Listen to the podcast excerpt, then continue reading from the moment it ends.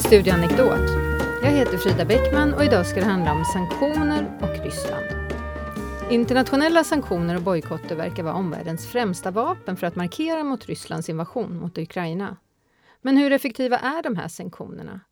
Blir vi så fokuserade på sanktioner att saker som ryska produkter och enskilda kulturutövare dras med ner i fallet? Och hur tas de här markeringarna från västvärlden emot i Ryssland egentligen? Med mig i studion är Farad Kolev och Ludmila Pöppel. Välkomna hit båda två. Tack. Tack. Kan ni börja med att berätta lite om er själva? Ja, jag är forskare i statsvetenskap vid Stockholms universitet. Jag har forskat eh, väldigt mycket om sociala sanktioner i internationell politik. Så när stater fördömer varandra eller när internationella organisationer fördömer länder. Eh, så jag har alltid undrat vilka som då blir eh, shameade då, eller skammade och vad har skammandet för effekt? Mm, tack. Vi kommer komma in på det här med skammande senare i avsnittet. Ludmila, vem är du? Ja, jag är eh, språkvetare och är forskare i politisk diskurs och politiskt språk. Det handlar om sovjetiskt och postsovjetiskt politiskt språk och själva diskursen. Och jag har eh, till och med varit med och analyserat ut, utifrån mitt perspektiv händelserna på Krim. Mm. Tack, strålande. Vi dyker i på en gång. Um, vad tycker ni har varit mest intressant uh, i omvärldens sätt att försöka påverka Ryssland nu under våren? Ja, det är, det är väldigt eh, mycket intressant som har hänt. Men eh, jag tänker om jag ska fokusera på de mest intressanta sakerna så är, då skulle jag nu välja till exempel ehm, hur hamnarbetare har blockerat båtarna, alltså oligarkägda båtar. Hur aktivister lämnat recensioner för att påverka ryska befolkningen kanske mest kreativt faktiskt så tycker jag att det är vad som hände inom Ryssland där till exempel feministiska grupper har gått in i butiker och ändrat priser. Så till exempel en gurka då kostar låt oss säga 5 kronor så har de skrivit 15 000 kronor och då undrar man vad är det som har hänt?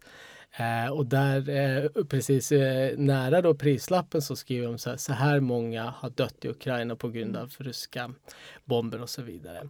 Sen finns det också ett annat sätt eh, att påverka det här som jag tycker är kreativt. Det är när man skriver då i, på sedlarna net, eh, ned, alltså nej till kriget. Eh, som då helt enkelt cirkulerar. Jag tycker det är väldigt eh, fiffigt. Mm. Så det är handlar mycket om den här som aktivism och motstånd underifrån på något sätt som du är Ja, men det, det finner jag mm. mest eh, kreativt. Ja. Mm. För man liksom försöker hitta nya sätt och det har jag inte sett tidigare. Så det Nej. tycker jag är intressant. Nej, det låter kreativt. Ludmila, vad Jag skulle ta lite större perspektiv och eh, eh, det som jag tycker är mest eh, intressant här är överraskningsmoment. Eh, Kreml har inte förväntat sig att väst skulle vara så konsekvent och skulle göra så stort motstånd. Dessa sanktionerna var en stor överraskning. Just reaktionen är unik. Mm.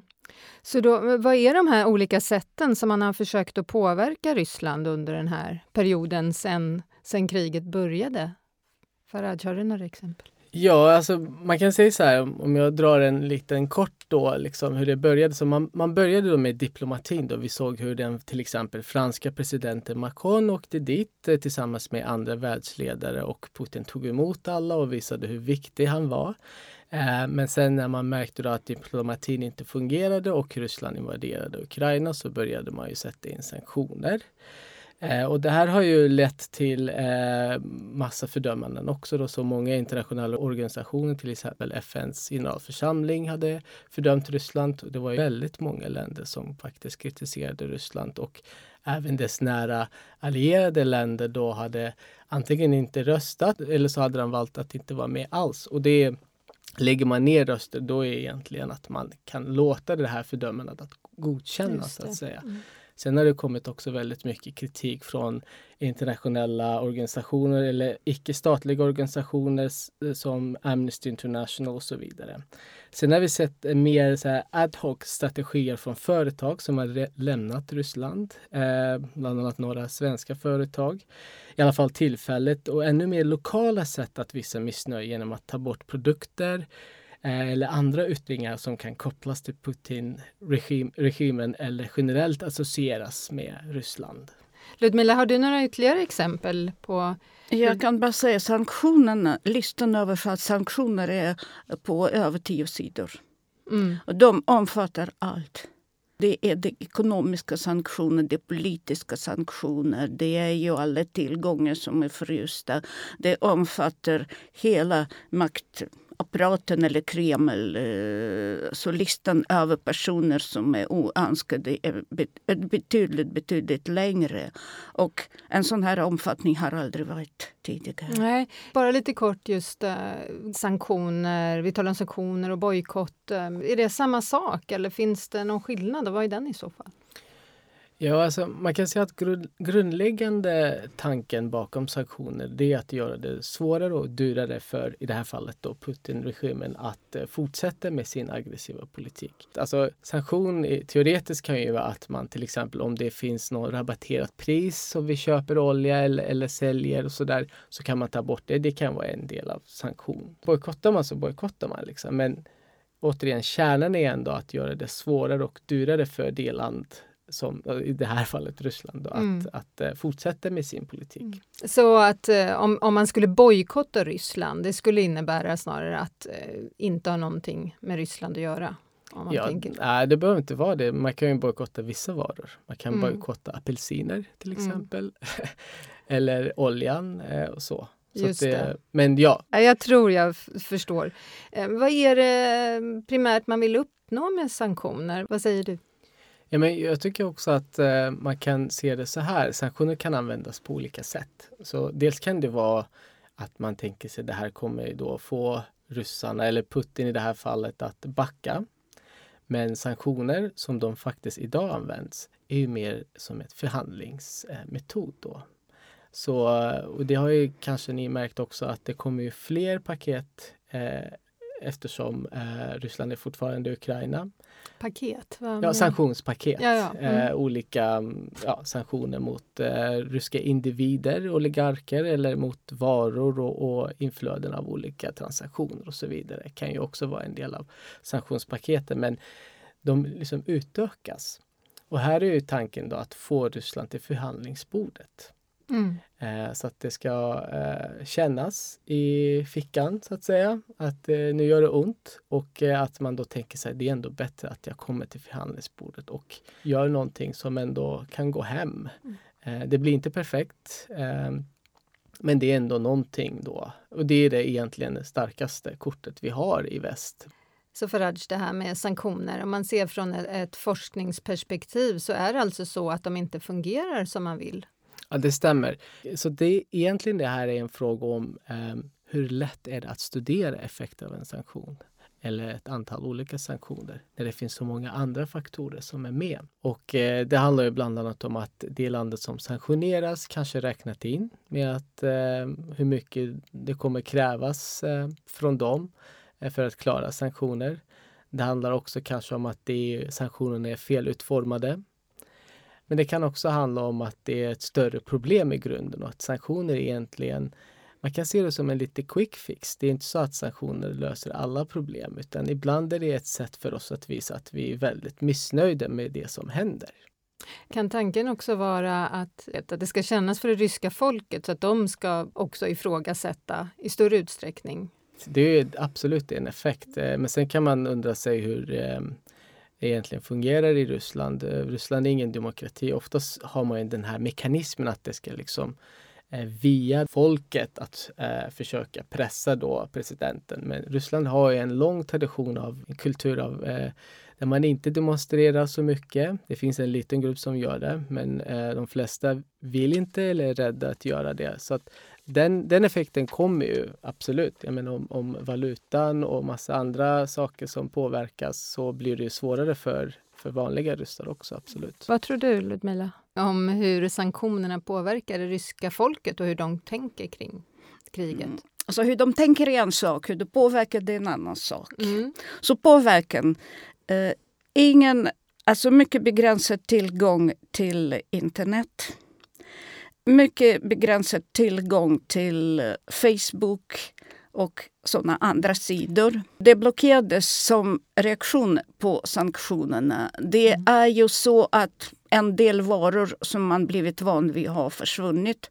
Resorna har blivit mycket begränsade och ganska svåra. Så vitt jag vet så flyger plan till eh, åtminstone tre länder. Och Det är Serbien, Turkiet och Israel.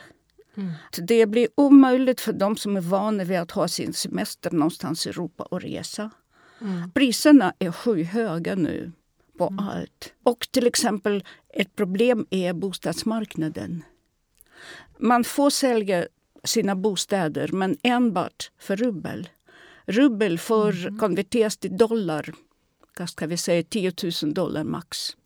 Mm, det innebär det. att man inte kan ta sina pengar ur landet. Men det här, det här är framförallt beslut som har kommit från Putins regering. Det är svar på sanktionerna, men de hänger ihop. Mm. Eh, det, är, det, det, är så som ryska befolkningen uh, upplever och vad de betalar för allt det här. Bryr man sig alls om västs uppfattning om Ryssland i Ryssland? Det är olika grupper i Ryssland som bryr sig i olika grader. Så det finns de som inte alls bryr sig och säger vi behöver ingenting, vi klarar oss. Mm. Det finns grupper som är lite mer tveksamma. Och det finns de, och mest är det unga människor, det är dominerande de som uppfattar det som en katastrof. Mm. Jag har förstått att stigmatisering är en viktig aspekt av sanktioner. Faraj, kan du berätta lite mer om det? Vad, vad, är, vad är det? Ja, eh, det här är en väldigt intressant fråga för man kan ju tänka sig att sanktioner har ju också en stigmatiserande effekt.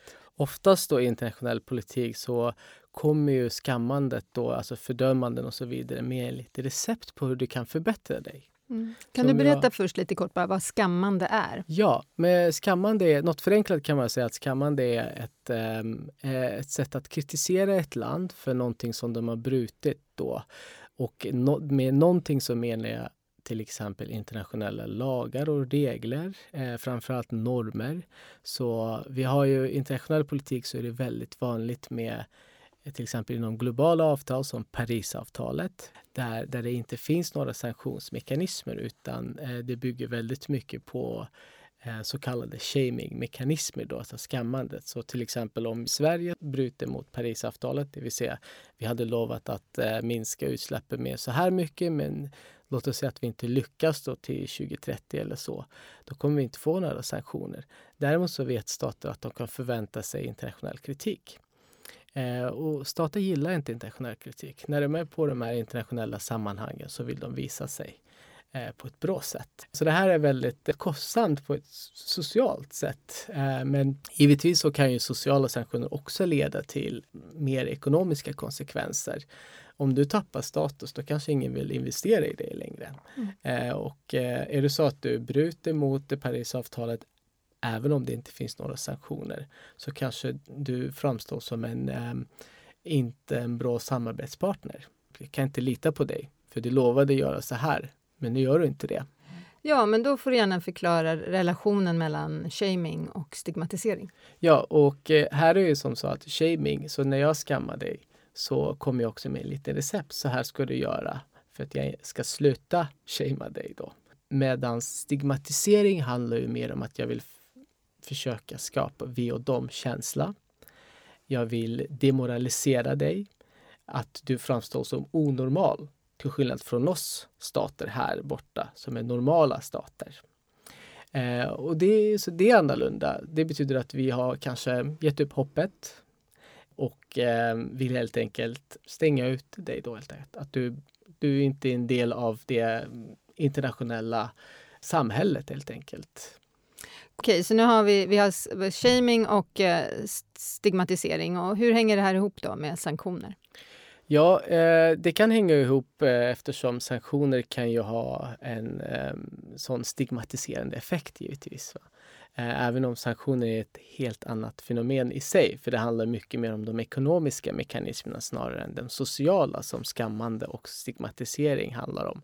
Och i det här fallet har man ju eh, brutit mot kanske en av de eh, starkaste normerna i internationell politik, det vill säga kränka en annan stats suveränitet. Just det. Det som är intressant nu är att nu vet vi att det finns sanktioner på plats och skammande stigmatiseringen också på plats. Nu är det frågan hur Ryssland hanterar det här. Ja, och Ludmila, hur hanterar Ryssland det här? Uh, nu tar vi två sidor. Vi tar Kreml och vi tar människor. Mm. Kreml, det är total propaganda. Och propaganda har pågått i åratal.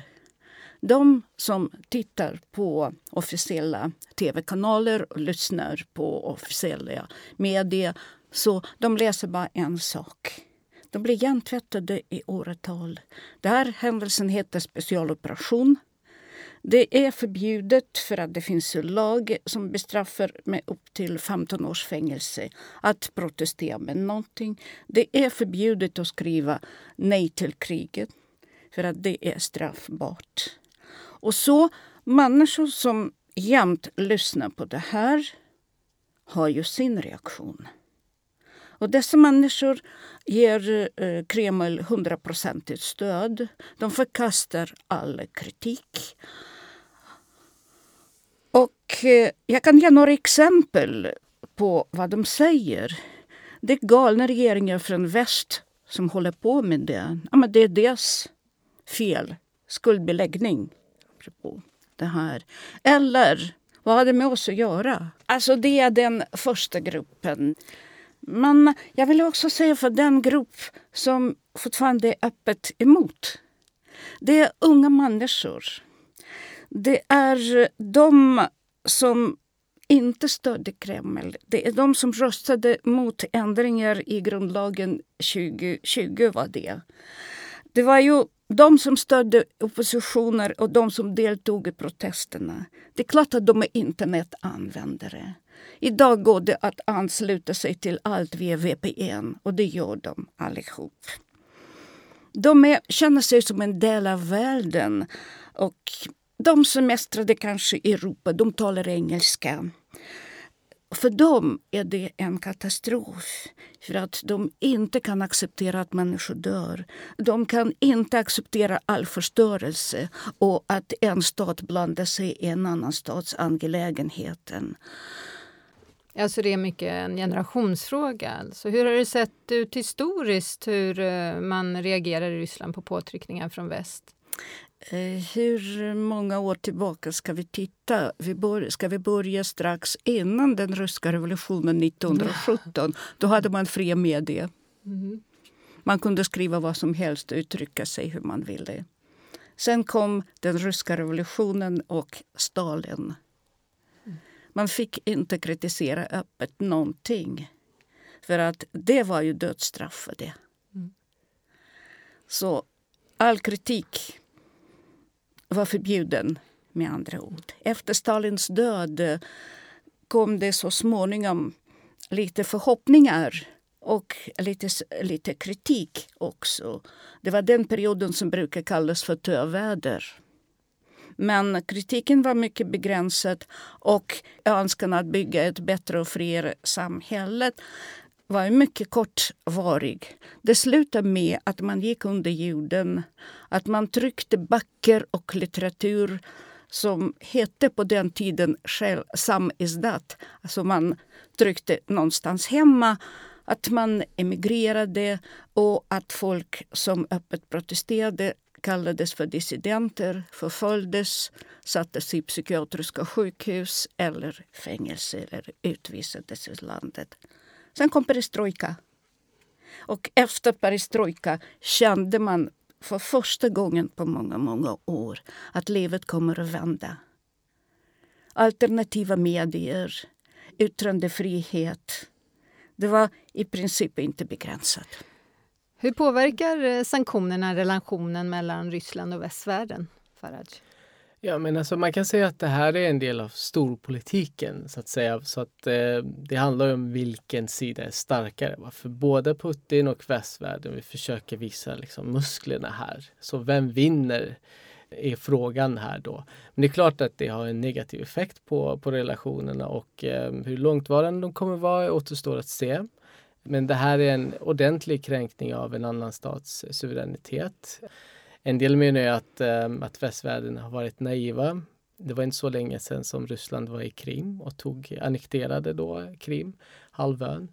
Men det är en annan fråga. Så att, eh, generellt tror jag att det är klart att det påverkar relationerna eh, mellan Ryssland och eh, västvärlden eh, på flera olika nivåer. Eh, på internationell nivå, på bilaterala nivåer, alltså länder som kanske är beroende av Ryssland mer än nu tänker jag framförallt på baltiska länder till exempel. De är ju grannar med Ryssland så för dem kommer det kanske bli svårare att etablera en relation med Ryssland efter det här. Eh, men andra länder, jag menar här, Sverige och vi är inte så beroende av Ryssland så vi klarar oss jättebra. Så det, det, är, en, det är en sån aspekt också. Mm. Ludmila, vad tror du? Vi klarar oss ekonomiskt mycket, mycket bra. Men det här ekonomiska har även med politiken att göra. Nu talar Putin om kriget mot Nato och USA. Mm. Och nu hotar de Sverige. Så relationerna har aldrig varit sämre mellan Ryssland och väst. Det, och det beror på Jo, det var ju naturligtvis under kalla kriget och under andra världskriget. Men om jag talar om just de här senaste 30 åren så är det bland de värsta punkterna. Många talar om att Stalin är tillbaka. Ekonomiska sanktioner har sin effekt på all handel, all utbyte. Så allt eh, vi är i den här globaliseringsvärlden beroende av varandra och oavsett vad man säger så påverkar det mycket dåligt för allas ekonomi. Det blir dyrt och frågan är hur dyrt det blir för Europa till exempel att hålla på med det. Hur dyrt det blir för Ryssland att hålla på med det. Det har ju även andra politiska konsekvenser. Så det finns ingen som vinner på det här kriget. Men ryska makthavare de har ju något att förlora. Till skillnad från alla föregående generationer är de riktigt, riktigt rika allihop. Mm. Vi läser mycket om deras förmögenheter som är flera miljarder dollar. De har mycket att förlora även där. Jag antar att det är en eh, oundviklig effekt av sanktioner också, att det kan bidra till en polarisering då mellan Ryssland och västvärlden. Ja, men jag tror inte alltså sanktioner har en självständig effekt här. Det är ju, polariseringen har ju kommit som en... Alltså det har, det, I grunden finns det en konflikt. Det mm. Och det handlar om liksom hur Ryssland ser på Ukraina och dess suveränitet. Men eh, som ett svar på din fråga så kan man ju titta på vad Ryssland gör då eh, inhemskt så att säga. Hur de till exempel hanterar den här stigmatiseringen då. Och där kan vi se till exempel att det har kommit en del beslut som handlar om att man skulle nu ändra i eh, skolböckerna till exempel hur man ser på Ukraina. Vi kan se på hur eh, Putin och en del andra politiker från Ryssland benämner de styrande demokratiskt valda politiker i Ukraina. De kallas nämligen för nazister. Eh, och det här är om man tittar så här rent historiskt hur länder har försökt hantera stigmatiseringen, det vill säga stigma management och som det heter i forskningen. Eh, och det är att nästan uteslutande alla länder har försökt, och då tänker jag på Sydafrika under apartheidtiden, Tyskland under Nas eh, Hitler, det är att de försöker manipulera historien och på så sätt rättfärdigar sitt beteende. De bygger murar, sociala eller fysiska, avskärmar sig från det internationella skammandet eftersom det ger ledningen bättre kontroll över informationen också. Så till exempel nu ser vi i Ryssland att man får inte säga ens krig, vilket är jättekonstigt. Varför får man inte säga att det är krig? Det är ju krig. Nej, det ska heta något annat. Och det för mig eh, är ju ett sätt, eh, om jag skulle liksom kategorisera det här beteendet utifrån min forskning så skulle, jag, skulle det här kallas för stigma avoidance, det vill säga att man inte ens är beredd att prata om den här stigman, kan inte ens hantera den. Man kallar ja, de här är nazister. Men man vågar inte prata om det mer. För jag tror inte ryska ledningen kan hantera det här. När Ryssland gick in i Afghanistan så var inte det här något problem överhuvudtaget. Eh, men här handlar det om en nation som ligger väldigt nära Ryssland kulturmässigt, eh, historiskt och de har ju samma en del väldigt kända författare. Jag tänker på Gogol till exempel som finns med i de eh, ryska historieböckerna också. Det här är mycket svårt för Ryssland och man ser att det, det går inte så bra. Men jag har ännu inte sett några markanta sätt från den ryska ledningen att försöka mm, det, alltså, så här, kalla till exempel västvärlden för nazister också, hela bunten till exempel. Utan man pratar om NATO, man pratar om USA och så vidare. Och det är den gamla retoriken. Det är tryggare att luta sig mot den. Skulle Ryssland ta ett annat steg, till exempel börja nu kalla, jag vet inte, EU för eh, nazistunionen eller, eller något liknande. Ja, det skulle i längden påverka enormt tror jag relationen mellan Ryssland och eh, västvärlden. Så kommer de här sanktionerna eller framtida sanktioner att bidra till att få ett slut på kriget i Ukraina? Eller vad blir den långsiktiga effekten, tror ni? Man hoppas att de bidrar. Det är svårt att se framtiden, men om vi inte har den här förhoppningen så är det väl svårt. Vi kämpar för det. Mm. Faraj, vad tror du? Eh, jag tror nej. Jag tror inte sanktioner kommer bidra till att lösa det här problemet och jag tror inte att sanktioner är egentligen tänkta till att lösa det här problemet. Men jag tror ändå det är bra att vi har sanktioner, för vad är alternativet? Tack så mycket för att ni kom hit båda två. Tack. Tack. Och tack så mycket ni som har lyssnat.